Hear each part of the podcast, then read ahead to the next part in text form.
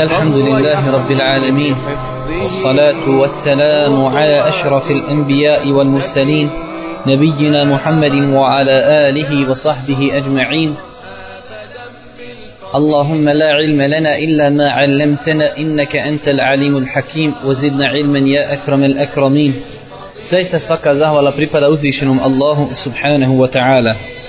Donosimo salavat i selam na posljednjeg Božijeg poslanika Muhammeda sallallahu alihi wasallame, njegovu porodicu, časne ashabe i sve one koji slijede na tom putu do sudnjega dana.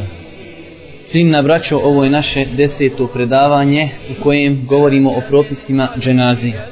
U prošlom predavanju govorili smo na temu ukop medjita.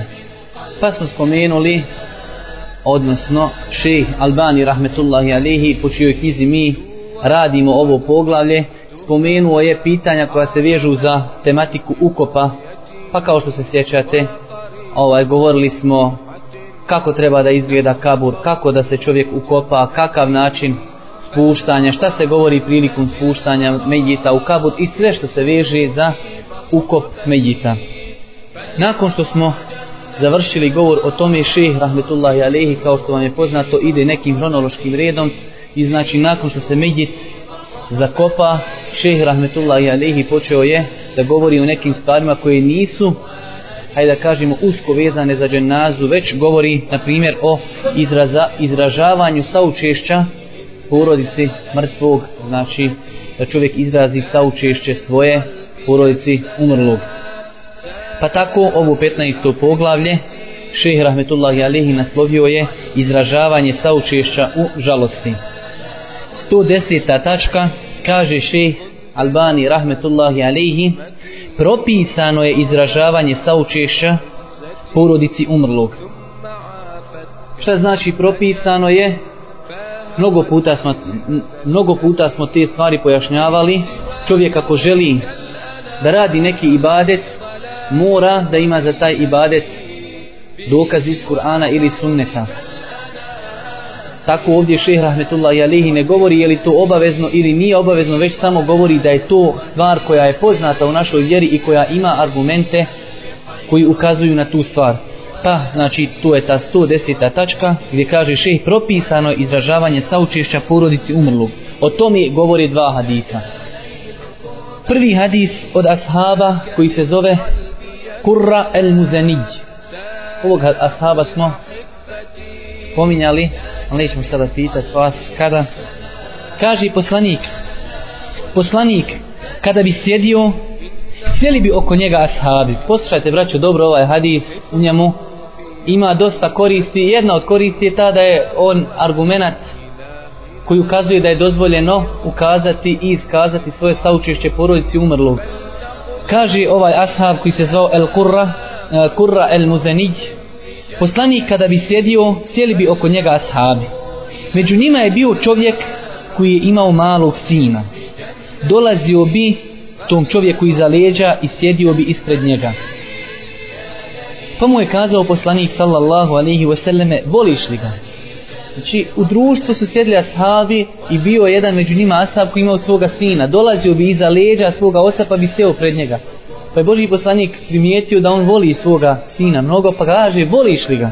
Pa kaže on, o Allahu poslaniće, Allah te zavolio kao što ja njega volim.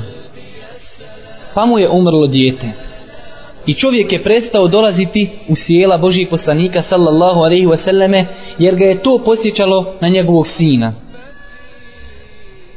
I to ga je mnogo rastužilo. Pa je Boži poslanik sallallahu alaihi wasallam primijetio njegovo odsustvo pa je upitao za njega. Pa su mu kazali da dijete koje je dolazilo sa njime da je preselilo. Pa ga je sreo Boži poslanik sallallahu alaihi wasallame i upitao za njegovog sina, pa ga je obavijestio o tome da je njegov sin preselio. Pa mu je Boži poslanik sallallahu alaihi wasallame izrazio saučešće, a zatim kazao. Či ovo je ono zbog čega je šehr Rahmetullah Ali spomenuo ovaj hadis, da je Boži poslanik sallallahu alaihi wasallam nakon što mu ovaj čovjek potvrdio da je njegovo dijete preselilo, izrazio mu saučešće. Ali poslušajte kraj hadisa, koristi radi. Pa je kazao Boži poslanik sallallahu alaihi wasallam tom ashabu, o čovječe, šta više voliš? da uživaš, naslađivaš se gledajući ga u životu ili da kada sutra dođeš kod vrata dženneta, a on te pretekao da ti ih otvori. Pa je kazao, Allahu poslaniće, više volim da me pretekne i da mi otvori vrata u džennetu. Pa je kazao Boži poslanik, to ti imaš, to ćeš dobiti. Pa je kazao čovjek jedan od ensarija, o Allahu poslaniće, je li to svima ili je samo njemu? Pa je kazao Boži poslanik, ne, već svima vama. Znači nije to njegova osobenost, već to važi za svakog čovjeka muslimana. Hadis je, zabilježi imam En Nesai, Ibn Hiban, Ahmed, a hadis je vjerodostojan. Drugi hadis također koji ukazuje na propisanost ove stvari, to jest izražavanja utjehe i saučešća porodci umrlog, jeste hadis od Enesa. Gdje kaže Boži poslanik sallallahu alaihi wasallame ko utješi svog brata muslimana u nedači koja ga je zadesila, Allah će ga na sudnjem danu odjenuti u zeleni ogrtač na kojem će mu ljudi zavidjeti. Hadis je zabilježio Imam El Hatib u tarihu i još neki uglavnom hadis je vjerodostojan, dobar, može se sa njim dokazivati ovaj u šerijatskom pravu. 111. stvar, 111. tačka, kaže šejh rahmetullahi alihi, nakon što je rezimirao i spomenuo da je propisano u našoj vjeri da kada nekome preseli neko ili kada ga zadesi neki musibe, da je propisano izraz, izraziti svoje saučešće i utjehu, nakon toga postavlja se pitanje na koji način čovjek da izrazi to svoje saučešće. Pa kaže šejh rahmetullahi alihi, utješi će ga na način za koji misli da će da će ih razveseliti i koji će od njih odagnati tugu i pomoći im tome da budu zadovoljni i strpljivi od onoga što je prenešeno od Božijeg poslanika ako zna ili ako se sjeti, a ako ne zna, onda na bilo koji drugi način lijepom riječu ono čime će postići željeni cilj, a nije u koliziji sa šerijetom. Znači vidimo da šehr Rahmetullahi Alihi pojasnio je ovaj propis sa nekoliko stvari. Prvo kaže da će se to uraditi na način koji će razveseliti porodicu umrlog. Ili u najmenju ruku da će odagnati tugu od njih. Da će im to pomoći da se strpe i da budu zadovoljni. Pa kaže šeh rahmetullahi alihi, ako zna ono što je prenešeno od Božijeg poslanika i ako se sjeti u tim momentima, to je dobro. A ako se ne, ne sjeti ili ako ne zna šta je prenešeno od Božijeg poslanika, onda će to iskazati na bilo koji način lijepom riječu, samo je bitno da se to ne kosi i nije u koliziji sa šerijatom. Od Usame ibn Zejda radijallahu ta'ala anhu se prenosi da je poslala jedna od poslanikovih čeri po poslanika jer je njenom, jer je njenom djetu nastupila smrt nastupila smo smrtne muke pa je Boži poslanik sallallahu alaihi wasallame poslao njoj selam i odgovorio joj na sljedeći način. Inna lillahi ma ehadhe wa lillahi ma a'ta wa kullu šeji indahu ila eđerin musemma fel tasbir wal tahtesib. Znači jednog dana poslali su po Božijeg poslanika sallallahu alaihi wa sallam to jest jedna od njegovih čeri je poslala po njega. Tražeći od njega da dođe zato što je njenom djetu nastupila smrt. Pa je Božji poslanik sallallahu alaihi wasallame poslao njoj selam znači po nekom od ljudi i kazao inna lillahi ma ahadha wa lillahi ma a'ta. Zaista Allahu pripada ono što uzima sebi i njemu pripada ono što daje, zaista svaka stvar kod njega je do određenog vremenskog perioda, zato se strpi i očekuje od Allaha nagradu. To je znači nešto što je prenešeno od, hadis, od Božijeg poslanika sallallahu alihi wasallam kako je on izraza, izražavao saučešće kada bi znači bio u tim nekim situacijama kada bi nekoga zadesio neki musibet. Iako znači ako čovjek ne zna ovu dovu može na bilo koji način koji nije u kontradiktornosti sa šerijatom da izrazi svoju ovaj saučešće i svoju utjehu. 112. tačka kaže šehr Rahmetullahi Alihi utjeha ili saučešće nije ograničeno na tri dana. Pošto kao što sam ja primijetio čitajući fetve kao da kod ljudi postoji neko uvjeđenje da saučešće se može samo izraziti tri dana. Čak šehu Seminu, rahmetullahi alihi, postavljaju slična pitanja da li je ovaj izražavanje saučešća ograničeno sa tri dana, pa on odgovara također da to nije ograničeno. Tako da sam skužio da Allah najbolje zna možda u arapskom tom svijetu postoji neki običaj da ljudi smatraju da je saučešće ograničeno sa tri dana. Pa kaže šehr Rahmetullahi Alihi, saučešće nije ograničeno sa tri dana, već sve dok čovjek vidi da utjeha i saučešće ima korist, iskazat će. Znači to je neko osnovno pravilo kada dođeš čovjeku, ako vidiš da ima koristi, znači da je to još friško neki, neki musibet, onda ćeš to i kazati.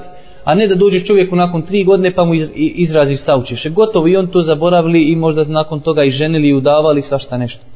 Ali znači ako čovjek dođe kod osobe i još se osjeti kod njih taj musibet i taj bol, znači makar prošlo tri dana dozvoljeno mu je da izrazi svoju sauče, svoje saučešće ili svoju utjehu.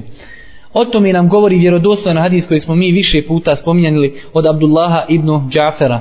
Poznat hadis kada je Boži poslanik poslao vojsku na Mu'tu, na Mu'tu, pa je poslao i odredio trojicu vojskovođa. Zaid, Džafer i Abdullah ibn Ravaha. Pa kada je preselio Džafer, svima je to vama poznato, Boži poslanik je došao u njegovoj porodci u hadisu stoji nakon tri dana pa im je izrazio svoje saučeše i svoju utjehu. Iz ovog hadisa islamski učenjaci su uzeli da izražavanje saučešća nije ograničeno na tri dana. 114, 113. tačka kaže šehr Rahmetullahi Alehi nakon što je spomenuo te neke osnovne propise vezane za saučešće kaže trebao bi insan ostaviti dvije stvari u ovoj situaciji pa makar to bilo prošireno kod ljudi znači nakon što ljudi ukopaju mejita i nakon što dođe do toga da se izražava saučešće, kaže šehi čovjek musliman bi trebao da ostavi dvije stvari pa makar one bile proširene među svijetom. Prva stvar jeste okupljanje svijeta kako bi se izrazila sa, saučest ili utjeha na posebnom mjestu kao što je kuća, mezarluci ili džamija. Znači čovjek bi trebao da izbjegaje takav način i vid izraža, izražavanja svoje utjehe ili saučešća. Da se ljudi okupe na jednom mjestu kao što je naveo šeh kuća, mezarluci ili džamija. I druga stvar, pripremanje hrane od strane porodice umrlog onima koji su došli na žalost ili da izraze svoje saučešće. Ovo je stvar koja je zasigurno kod nas mnogo poznata da ljudi nakon što se završi sa ukopom vraćaju se kući gdje se stavlja hrana. A vidjet ćete nakon ovoga šeh će pojasniti da je u islamu suprotno da ljudi trebaju porodici umrlog spremiti hranu. A kod nas je obrnuto porodica umrlog se u tim momentima zauzme znači tim dodatnim obavezama pa kaže šeh rahmetullahi alihi znači ta druga stvar pripremanje hrane od strane porodice umrlog onima koji su došli nažalost Od Džerira ibn Abdullaha el Beđelija radijallahu ta'ala anhu se prenosi da je kazao mi, znači ashabi, smo smatrali okupljanje kod porodice umrlog i spremanje hrane poslije ukopa naricanjem. Znači, ashabi su takve postupke smatrali naricanjem, a mi smo navodili hadise koji ukazuju da je Boži poslanik zabranio naricanje. Znači, ashabi su okupljanje nakon dženazi, odlazak, znači, nakon dženazi, i čašćenje sa tom hranom smatrali su to naricanjem. Ovu predaju zabilježio imam Ahmed ibn Mađe, a ona je vjerodostojna po uvjetima imama Buharije i muslima. Nakon što je šest spomenuo one stvari koje bi trebalo da čovjek ostavi i da ih ne praktikuje, nakon toga je spomenuo šta je sunnet, pa kaže 114. tačka, već je sunnet da rodbina i komšiluk spreme hranu porodici umrlog koja će ih nahraniti. Znači, suprotno onome što je kod nas praksa, to je od sunneta. Da porodici umrlog komšiluk i ona dalja rodbina spreme hranu u tim momentima kako znači bi oni imali šta da jedu u tim momentima kada ih je pogodio taj musibet. Zbog hadisa Abdullaha ibn Džafera, kada je došla vijest o smrti Džaferovoj, kazao je poslanik, spremite Džaferovoj porodici hranu, njima je došlo ono što je zauzelo ili zaokupilo. Hadis je zabilježio Abu Davud et Tirmizi ibn Maže, a hadis je dobar. Znači od sunneta je, braćo moja draga, da se spremi hrana porodici umrlog a ne da oni spremaju hranu i da na taj način časte ljude. Također, ovo je za pčelare dobro, ovo će njima ako Bog da sad povisi rating i ako Bog da imaće novi proizvod na pijaci. Od Aiši radijallahu ta'ala ana se prenosi da je naređivala da se bolesniku i ožalošćenom napravi hrana telbin. A šta je hrana telbin? To je hrana koja se pravi od mlijeka, mekinja i meda. Kaže, jer sam čula Allahog poslanika da kaže, zaista telbin opušta srce insana i otklanja od njega tugu. Hadis je zabilježio Buharija, Muslim, Ahmed i El Bejheqi.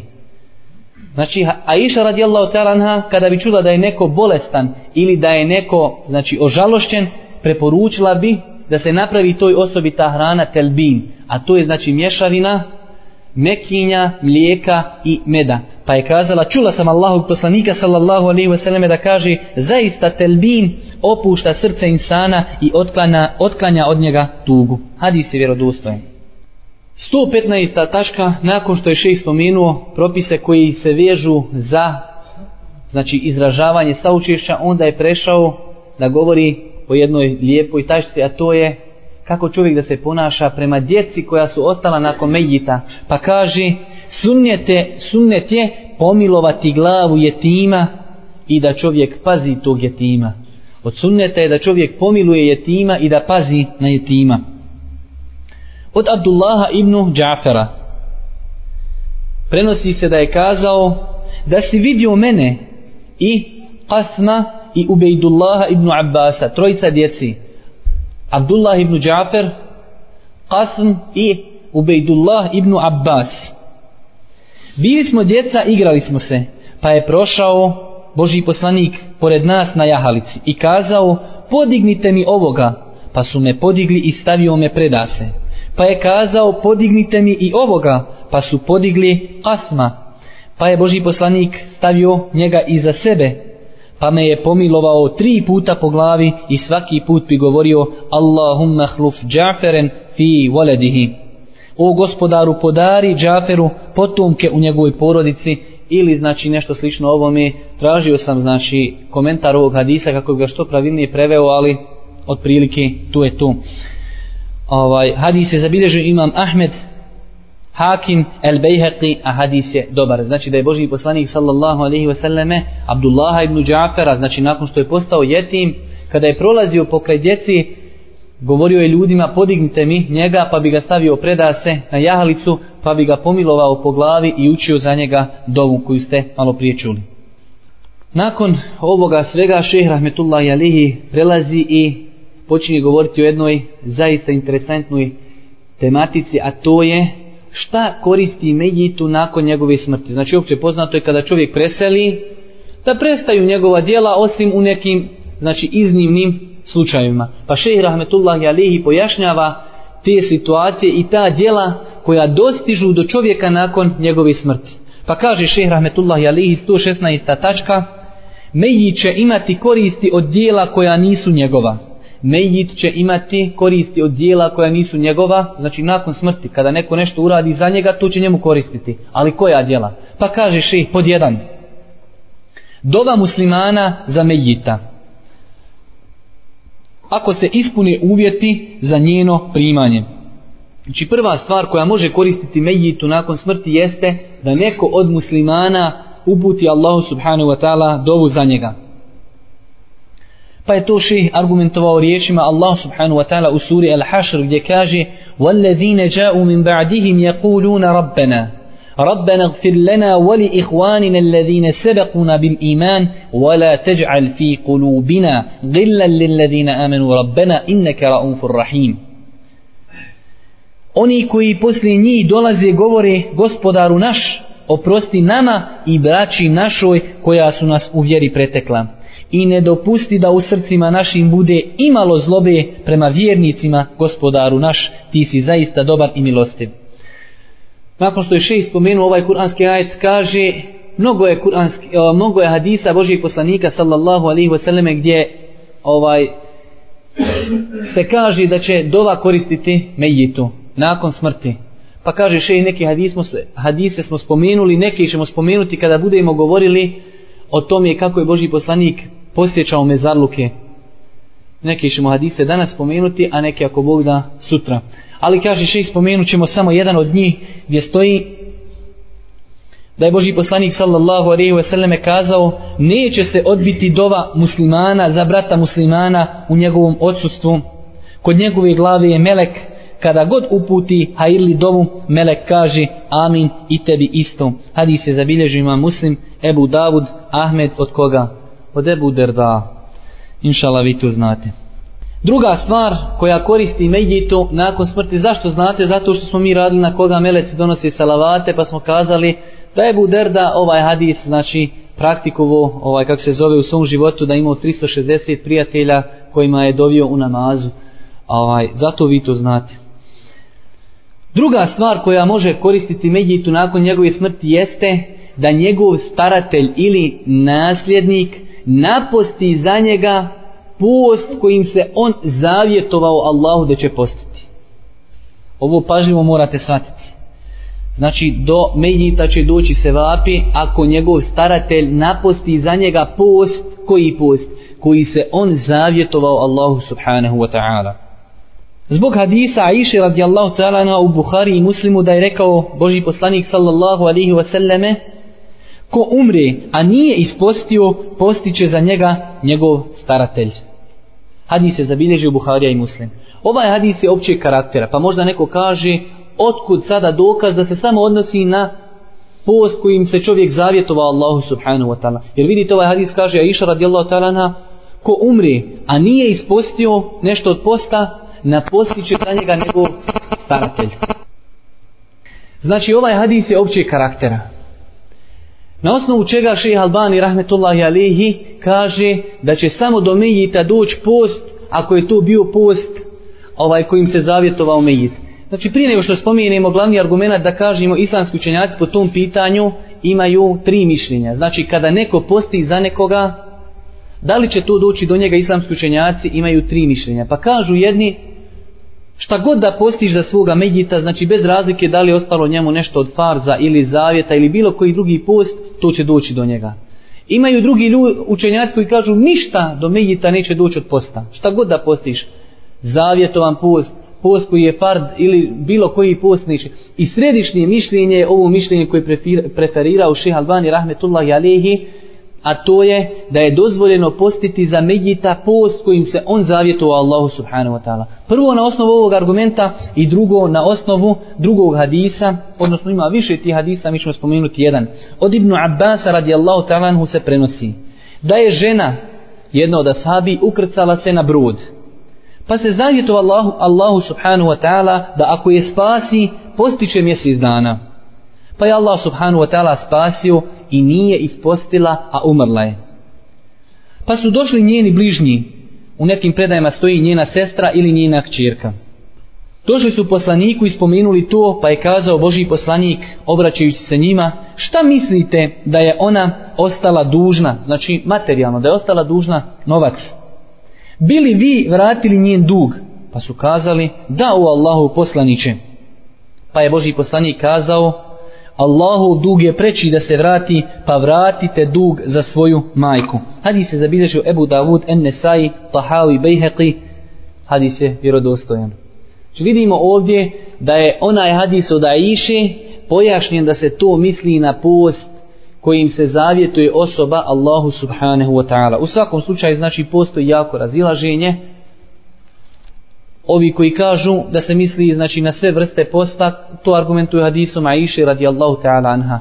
A koji ispravi spoj između tih hadisa, preferiraju mišljenje šeha Albanija rahmetullahi alihi, a to je da se može samo postiti za medjita post kojim se osoba zavjetovala Allahu i nije ga ispostila.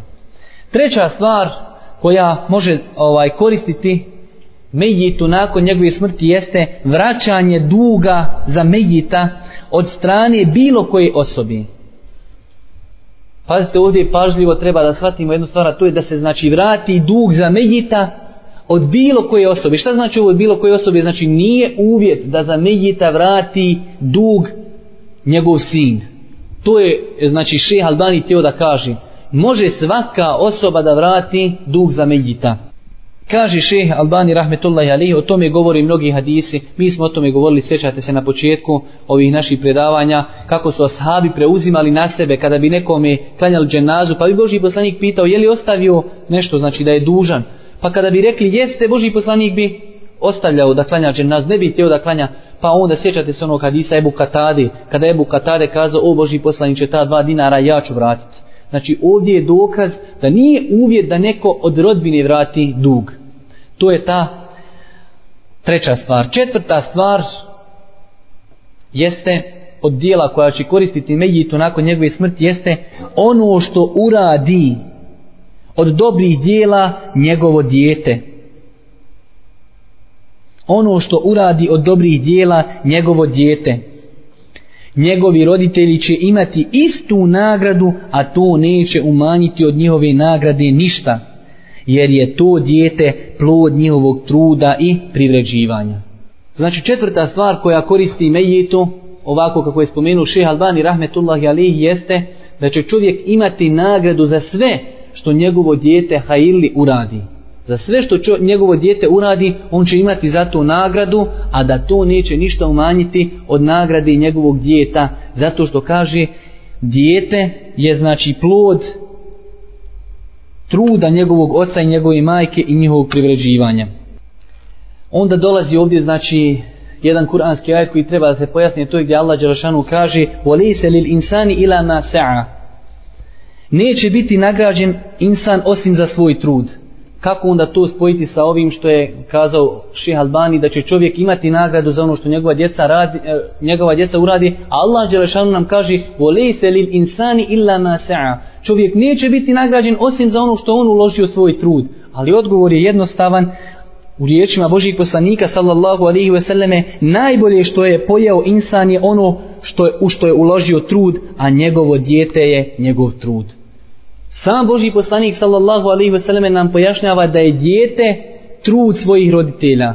A gore je kazao Allah Đelešanu čovjek neće biti nagrađen osim za svoj trud. I onda znači pod taj trud potpada i njegovo dijete.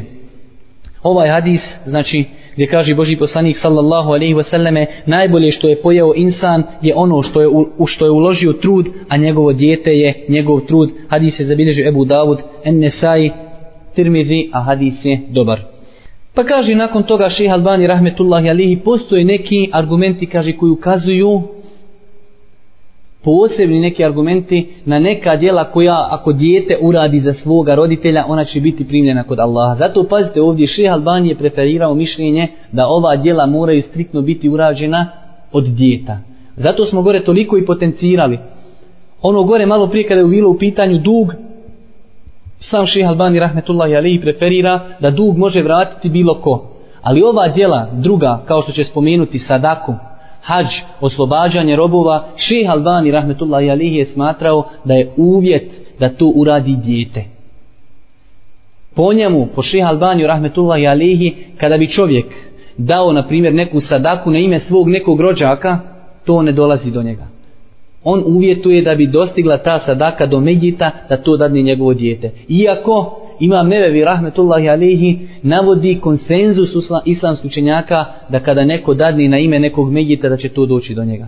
Ali znači nije to konsenzus, Allah najbolje zna jer nije dozvoljeno znači da čovjek kaže nešto suprotno konsenzusu.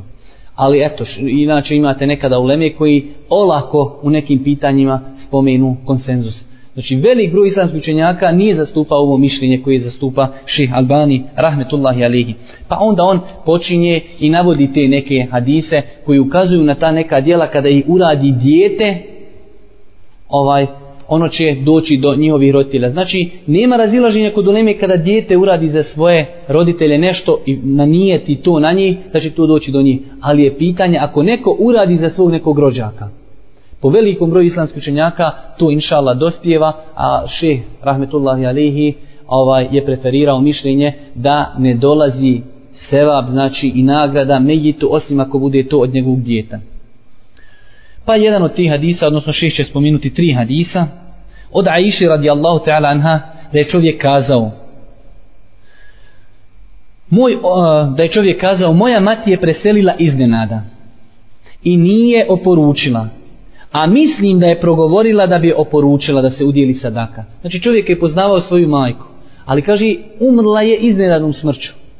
Kaže u Božji poslaniće, ona da je uspjela progovoriti, ona bi oporučila da se udjeli sadaka. Pa nastavlja, hoće li ona imati korist ako bi ja udjelio sadaku za nju? A u jednom rivajetu stoji, a hoću li ja usto imati nagradu? Pa mu je kazao Božji poslanik sallallahu alaihi wasallame, da, hoće, doće do nje to, ako ti udjeliš sadaku za svoju majku, koja je preselila, to će doći do nje. A vidimo da ovdje ovaj hadis ide u prilog ših Albaniju, da je ovdje se radi da će dijete udjeliti za svog roditelja. Hadis je, ovaj, zabilježi imam Buhari i Muslim, Malik i Ebu Davud. Drugo, drugi hadis koji također ukazuje na sličnu stvar jeste hadis Ibn Abbasa, da je majka Sad Ibn Ubade preselila, a on je bio odsutan. Znači bio je čovjek na putovanju i njegova majka je umeđu vremenu preselila. Pa je upitao poslanika, o Allahu poslaniče, moja majka je preselila, a ja sam bio odsutan. Hoće li joj koristiti ako bi dao sadaku za nju? Pa je kazao Boži poslanik, da, koristit će joj.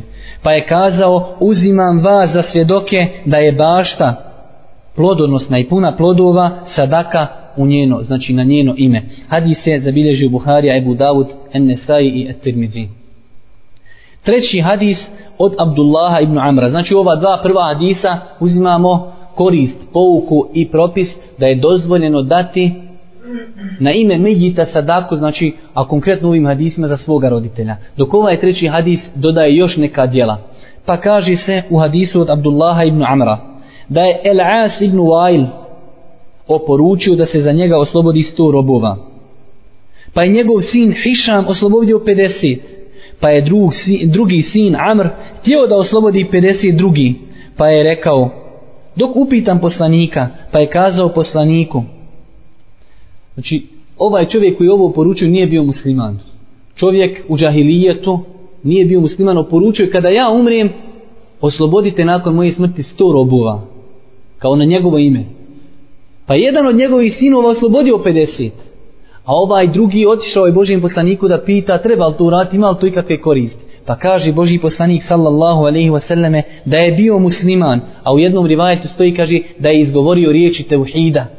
Da u aqarra bi tevhid, kao da je potvrdio tevhid, pa da ste oslobodili to roblje ili udjelili sadaku ili obavili hađ, to bi mu koristilo. Vidimo ovdje je Boži poslanik spomenuo tri stvari. Oslobađanje robova, davanje sadake i kako se zove obavljanje hađa. I imali smo prethodne hadise koji govori o postu. Znači te četiri stvari od prilike, znači nema razilaženja kod ulemi da te stvari dolazi do medjita na osnovu ovih hadisa. Ovaj hadis je zabilježio imam Ebu Davud, Bejheqi, Ahmed, a hadis je dobar. Peta stvar koja će koristiti medjitu nakon njegove smrti jesu trajne sadake. Zbog hadisa Ebu Huriri radijallahu ta'ala anhu da je Boži poslanik sallallahu alaihi wa sallam kazao kada umre insan prestaju njegova djela osim u tri slučaja. Trajna sadaka, korisno znanje ili čestito dijete koje dovi za njega. Vidimo ovdje na prvom redu Boži poslanik sallallahu alaihi wa sallam spominje trajnu sadaku.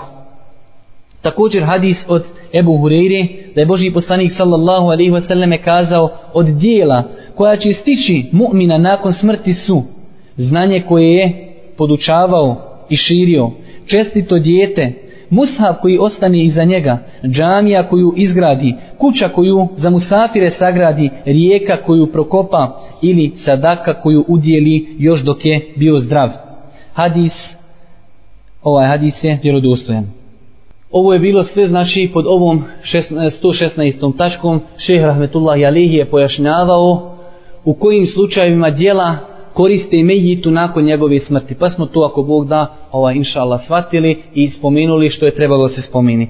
117. tačka šeh nam počinje govoriti o propisima obilaska mezarluka. Pa kaže šejh rahmetullahi alihi, propisano je posjećivanje mezarluka. Kako bi se uzela pouka i kako bi se insan prisjetio ahireta. Pa kaže šejh, pod uvjetom da se ne govori kod njih ono što srdi gospodara, kao što je upućivanje dove mejitu, da čovjek traži nešto od mejita, da ne svati neko upućivanje dove za mejita, ne. Kaže šest, znači propisano je posjećivanje kaburova, ali da čovjek prilikom posjećivanja kaburova ne napravi nikakvu šerijasku, šerijski prekršaj. Pa navodi onako primjera radi da čovjek uputi dovu mejitu. Ne za mejita, vego mejitu, pošto je u islamskom svijetu mnogo poznato da ljudi odlaze kod kaburova turbeta i upućuju dovu mejitu, da mejit neke njegove potrebe ispuni. Ili kaže, navodi šeh drugi primjer, traženje pomoći od njega ili da čovjek garantuje nekom, znači ko je preselio džennet. Sve su to stvari koje nisu šerijatski ispravne. Pa onda to šeh, rahmetullahi alehi, argumentuje hadis, hadisom Burejde ibn Husayba radijallahu ta'ala anhu da je Boži poslanik kazao ja sam vam zabranio posjetu mezarluka a sada ih posjećujte jer vas oni posjećaju na ahiret da vas posjeta kaburima učini boljim. Ko hoće neka ih posjećuje ali neka ne govori ono o čime nije zadovoljan gospodar. Znači riječi Božih poslanika sallallahu alaihi wasallam. Ovaj hadis i mnogi drugi ukazuju na to da je propisano posjećivati kabure kada su u pitanju muškarci. Ali ovdje nam dolazi jedno i te kako, hajde da kažemo, komplikovano i bitno pitanje, a to je da li je dozvoljeno ženama da posjećuju mezarluke. Po ovom pitanju, kada pogledamo u knjige prava i fikha, naći ćemo da islamski učenjaci imaju mnogo različitih mišljenja i da se žestoko razilazi pa ćemo naći neke koji smatraju da je to dozvoljeno. Naći ćemo neke koji su suprotno od njih pa kažu da je to zabranjeno strogo. Neki kažu da je ženi dozvoljeno ponekad otići na kabur. A neki opet kažu da je dozvoljeno ženi da ode na kabur, ali da to bude usput. Ne da ode maksuz, već kada prolazi negdje kraj mezarlu, kada malo zastane da malo uzme neku pouku iz toga. I još neki drugi mišljenja, uglavnom islamski učenjaci po ovom pitanju se žestoko razilazi. Šeha Albani rahmetullahi alihi kaže u 118. tačici Žene su kao i muškarci u ovom propisu. Znači nakon što je kazao da je propisana posjeta mezarluka za muškarce, nakon toga nam kaže 118. tačka žene su u ovom propisu kao i muškarci. Nakon toga šehr Rahmetullah Alihi znajuši kako jako razilaženje postoji kod islamskih učenjaka po ovom pitanju, argumentuje ovaj stav. Sa više argumenta. Prva stvar i prvi argument kojim še dokazuje ovo mišljenje jeste općenitost hadisa gdje je Boži poslanik kazao posjećujte kabure. Šta znači općenitost hadisa? Kada Boži poslanik sa osalem kaže bio sam vam zabranio posjetu kaburovima, a sada ih posjećujte pod ovaj izraj, izraz, a sada ih posjećujte, potpadaju i muškarci i žene. Sve dok ne dođe poseban argument koji izdvaja jednu od dvije skupine.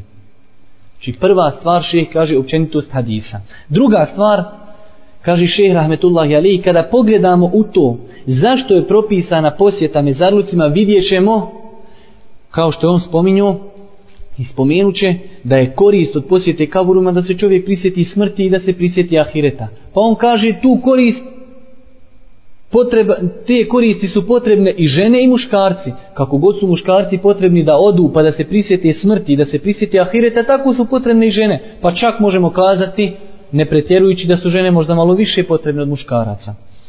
Treća stvar koja ukazuje da je dozvoljeno, znači ovo su argumenti koje spominje šeha Albani rahmetullahi alihi, jeste da je Boži poslanik sallallahu alihi wasallame dozvolio ženama posjećivanje mezarluka. Da je Boži poslanik dozvolio ženama posjećivanje mezarluka. Prenosi se od Abdullaha ibn Ebi Mulejke.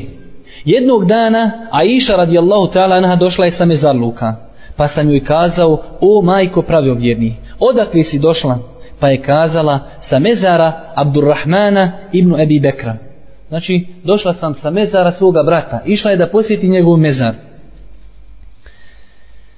Pa kaže ovaj prenosioc, pa sam kazao, zar nije poslanik zabranio posjetu mezarlucima? Pa kaže Aisha, da, jeste zabranio, ali je nakon toga naredio njihovo posjećivanje. Hadis je zabilježio imam El Hakim Bejheqi, hadis je jerodostojan. Znači ovaj prenosioc kaže Aiši, vidim da si odnekli došla, gdje si bila? Kaže ona, išla sam da posjetim mezar svoga brata Abdurrahmana. Pa kaže, zar nije Boži poslanik zabranio? Kaže ona, da, je zabranio je, ali je nakon toga dozvolio i naredio. Vidimo da je ona shvatila da je ta naredba dozvola općenita i za muške i za žene. Također, jedan hadis koji je malo duži, ja ga nisam htio prevoditi, ali mogu ga ukratko ispričati. Nako koristi radi, ima u njemu dosta odgojni ovaj, dercova. Hadis, vjerodostojan hadis u muslimu. Kaže Aisha radijallahu ta'ala na jedne prilike noću Boži poslanik nakon što smo kaže legli polako se kaže obukao obukao svoju odjeću i polako izašao iz kući. Sutra ćemo spomenuti sličan hadis o ovome kako je išao nekad slala sluškinju da ide za njim, a nekad bi ona direktno za njim. Kaže pa sam i ja obukla svoju odjeću i za Božim poslanikom da vidim gdje će. Kaže pa sam vidjela otišao je do Beqije pa je tamo uputio dovu za mrtve pa je nakon toga ugledao neko crnilo. A to je bila Aisha. Kaže pa je krenuo za njom. Kaže, a ja sam krenula kući. Pa je on požurio, kaže, pa sam ja požurila. Pa je on potrčao, pa sam ja potrčala. I uspjela sam, kaže, uletiti u kuću prije njega. Kaže, nakon što sam ja legla, Boži poslanik je odmah ušao u kuću. Kaže, pa me upitao, pazite ovdje, ovaj, kaže, a iša, šta ti je, što si zadijana? Što se zadija u kući, sjediša, plućara, šta je tu s tobom? Kaže, ona, ništa o Allahu poslaniće. Kaže, ili ćeš me ti obavijesti, ili će me obavijesti uzvišeni gospodar. Bolje ti ti, kaže, nima potrebe da čekam objavu. Pa kaže Iša, kaže, pa sam ukazala šta se desilo. Pa onda Boži poslanik sallallahu alaihi wasallame kaže, došao mi je Džibril. Kaže, pa me je zovnuo da izađem i naredio da idem uputiti dovu, kaže, za stanovnike Beqije. Pa nisam htio, kaže, te budim, bi huzurim polako, sam izašao i vratio se, znači, kao što vidiš. Pa kaže onda Aisha, zbog ovog, še Albani citira ovaj hadis, Kaže, a kada budemo posjećivali kabure, šta ću im kazati? Ona pita za sebe, za ženu, šta ću im kazati? A kaže joj, Boži poslanik, reci i onda spominje dovu, Esselamu ala ehli dijari minel mu'minina wal muslimin, wa jerhamu Allahu al mustaqdimina minna wal mustakhirin, wa inna inša Allahi bikum lelahikun. Čak ovdje u arapskom kaže Boži poslanik njoj u naredbenoj formi kuli. Kada hoćeš kazati za muškarca, kažeš kul. A za žene se kaže kuli, ti reci kada budeš posjećivala mezarluke i spomenuo joj dovu. Da nije bilo dozvoljeno posjećivati mezarluke, Boži, Boži poslanik bi kazao iši, nema potrebe da ti učiš dovu, jer vama ženama nije dozvoljeno posjećivati kabure. Također, od argumenta koji ukazuju na to jeste da je Boži poslanik odobrio, znači ovdje je on ajde da kažemo, u tim hadisima preporučio ili pojasnio da je to dozvoljeno, ali je i odobrio što znači odobrio. Vidio je nekog da posjećuje kabur pa je on to odobrio. Pa poznati hadis od Enesa radijallahu ta'alanu da je Boži poslanik sallallahu alaihi wa sallam prolazio pokraj žene koja je bila na kaburu i plakala je. Pa joj je kazao Boži poslanik sallallahu alaihi wa sallame boj se Allaha i strpi se. Hadis je zabilježio imam Buharija, poznato je svima vama onaj hadis da je ona poslije došla Božijem poslaniku pa se izvinila, nije znala da je to bio Božji poslanik, ali pojenta je da Božji poslanik nije zabranio. Sjetite se drugi hadis, Božji poslanik vidi čovjeka hoda u papučama kroz mezarje, kaže, o ti koji nosiš te papuče, skini svoju odjeću, pa se čovjek okrenuo, pa je vidio da je to Božji poslanik, pa je uzeo svoje cipele, skinuo i bacio. Znači, Božji poslanik, kada vidi neko dijelo koje nije propisano, on reaguje, U ovom slučaju vidimo da Boži poslanik nije kazao ženi zašto ti posjećuješ, to je zabranjeno. Već je samo kazao boj se Allaha i strpi se zato što je plakala. Znači to su argumenti koji ukazuju da je dozvoljeno ženama da posjećuju mezarluke. Nakon toga šejh Rahmetullahi Jalihi nam dolazi pa onda malo ovu tačku pojašnjaje pa kaže 119. tačka ali nije dozvoljeno ženama često da odlaze na kabur. On je tamo kazao, one su po pitanju dozvoli, da li mogu ili ne mogu, one su kao i muškarci. Ali u ovoj tajci on to malo sužava pa kaže, ali nije dozvoljeno ženama često da odlaze na kabure. Jer to vodi onome što je šerijat zabranio, kao što je vrištanje, razgoličavanje i odlazak tamo radi razonodi. Či vidimo ovdje šehr Rahmetullahi Ali kaže nije dozvoljeno ženama da često idu. Muškarci mogu da idu svaki dan. Ali ženama i nakon toga šehr Rahmetullahi Alihi odgovara na onaj hadis koji mi svi čekamo da se spomene, a to je postoji vjerodostojan hadis da je Boži poslanik i čak u jednoj predaji da je Allah Đelešanu prokleo žene koje zijare te kaburovi. Pa kaže šejh Rahmetullahi Alihi, na to se odnosi hadis u kojem stoji da je Allah, a u drugoj predaji njegov poslanik prokleo one žene koje često zijarete i obilaze kaburove. Ovdje u arapskom jeziku postoje dva načina čovjek kaže za osobu koja zijareti kabur. Imate rivajet za irat. Žene koje obilaze kaburove. A imate zubarat. Oni koji često obilaze kaburove.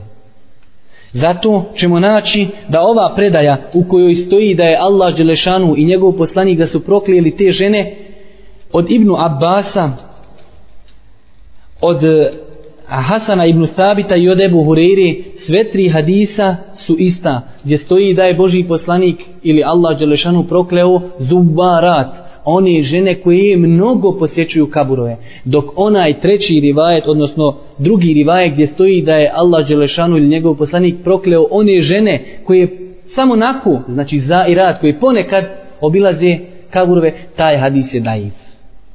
Znači jedino što je ispravno u ovom poglavlju jeste da je Božiji poslanik prokleo zubara, One žene koje često obilaze kaburove. A dok rivajet i predaj gdje stoji za i rat.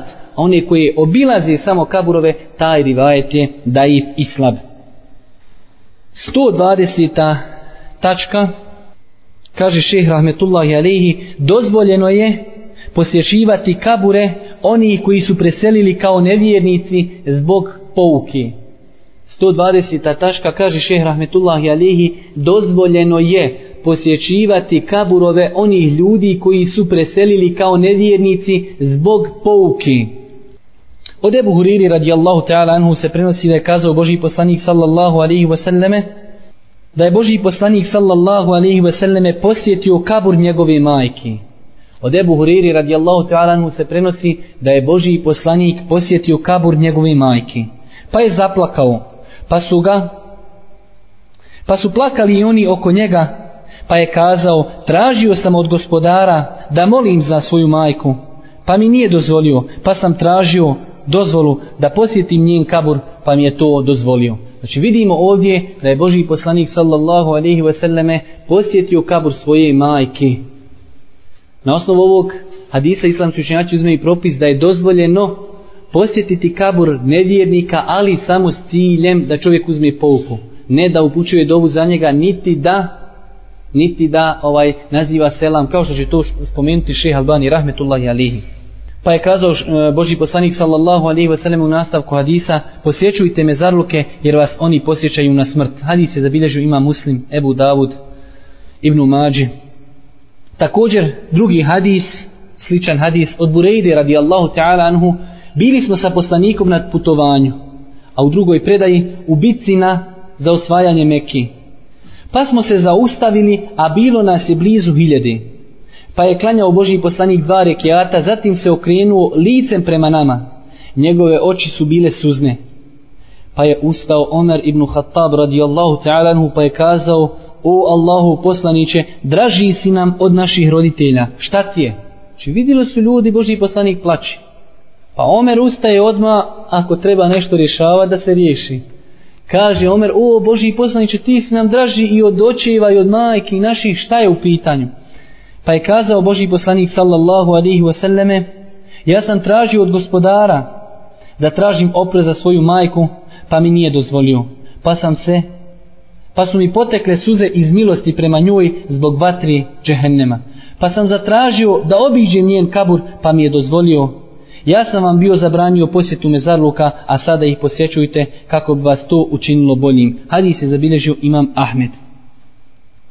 Kaže šeheh Rahmetullahi Alehi, nakon ovoga što je spomenuo da je dozvoljeno posjećivati kabure nevjernika s ciljem uzimanja koristi i pouke prisjećanja na smrt, kaže dvije su koristi od posjete mezarluka. Prva korist je da se čovjek prisjeti smrti. Da se prisjeti kako će biti naši u džennetu ili u džehennemu. To je prvi cilj i drugi cilj jeste korist medjitu i dobročinstvo njemu. Prva korist se znači vraća osobi koja posjećuje kabure, a druga stvar se, znači druga korist se odnosi na onoga koji se posjećuje. Ovo u slučaju ako osoba koja se posjećuje je musliman, znači zato što će čovjek musliman kada posjeti mezarluke nazvati selam i uputiti dovu za ovaj mrtvi u tom mezarluku.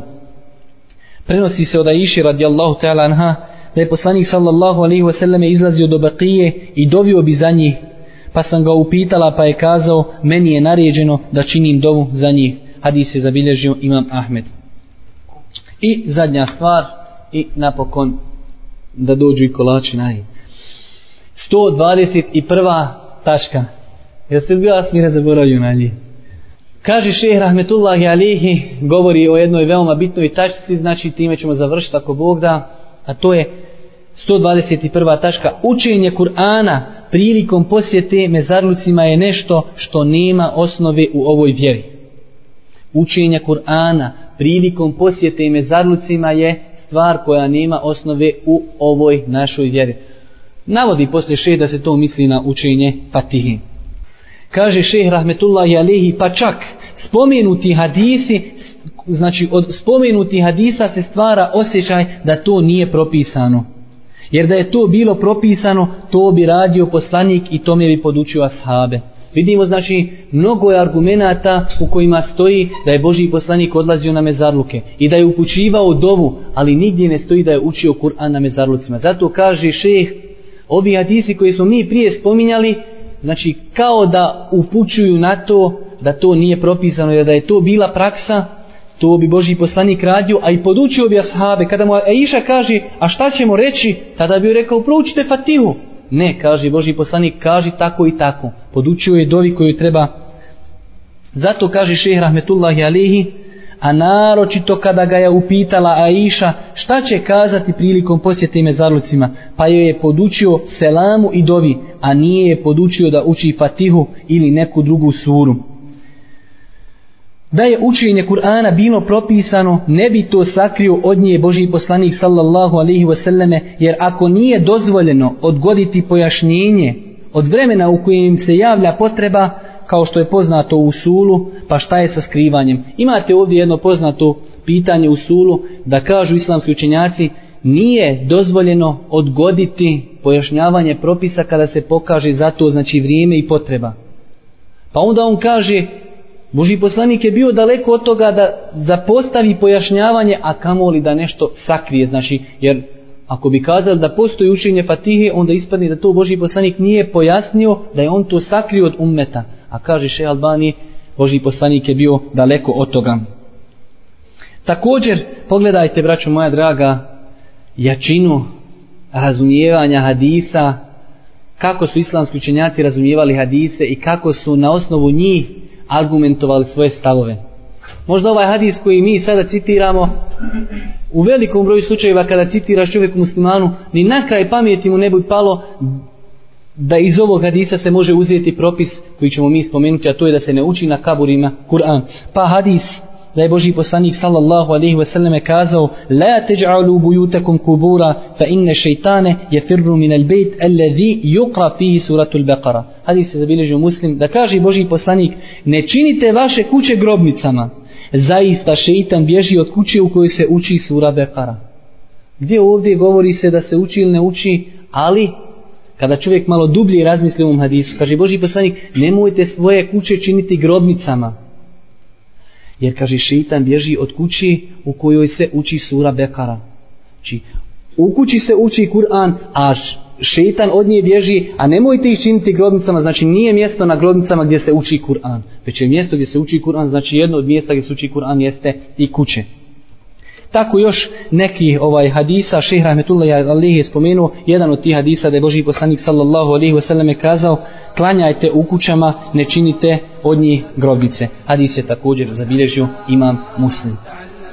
Molimo Allah subhanahu wa ta'ala da nas poduši propisima naše našoj vjeri. Molimo ga subhanahu wa ta'ala da nas učvrsti u ovim teškim vremenima. Molimo ga subhanahu wa ta'ala da nam bude milosti na sudnjem danu. Molimo ga subhanahu wa ta'ala da pomogne muslimane u svim dijelovima svijeta i na kraju subhanaka Allahumma da bihamdike ešhedu in la ilaha illa ente stagfiruke wa etubu ilaih.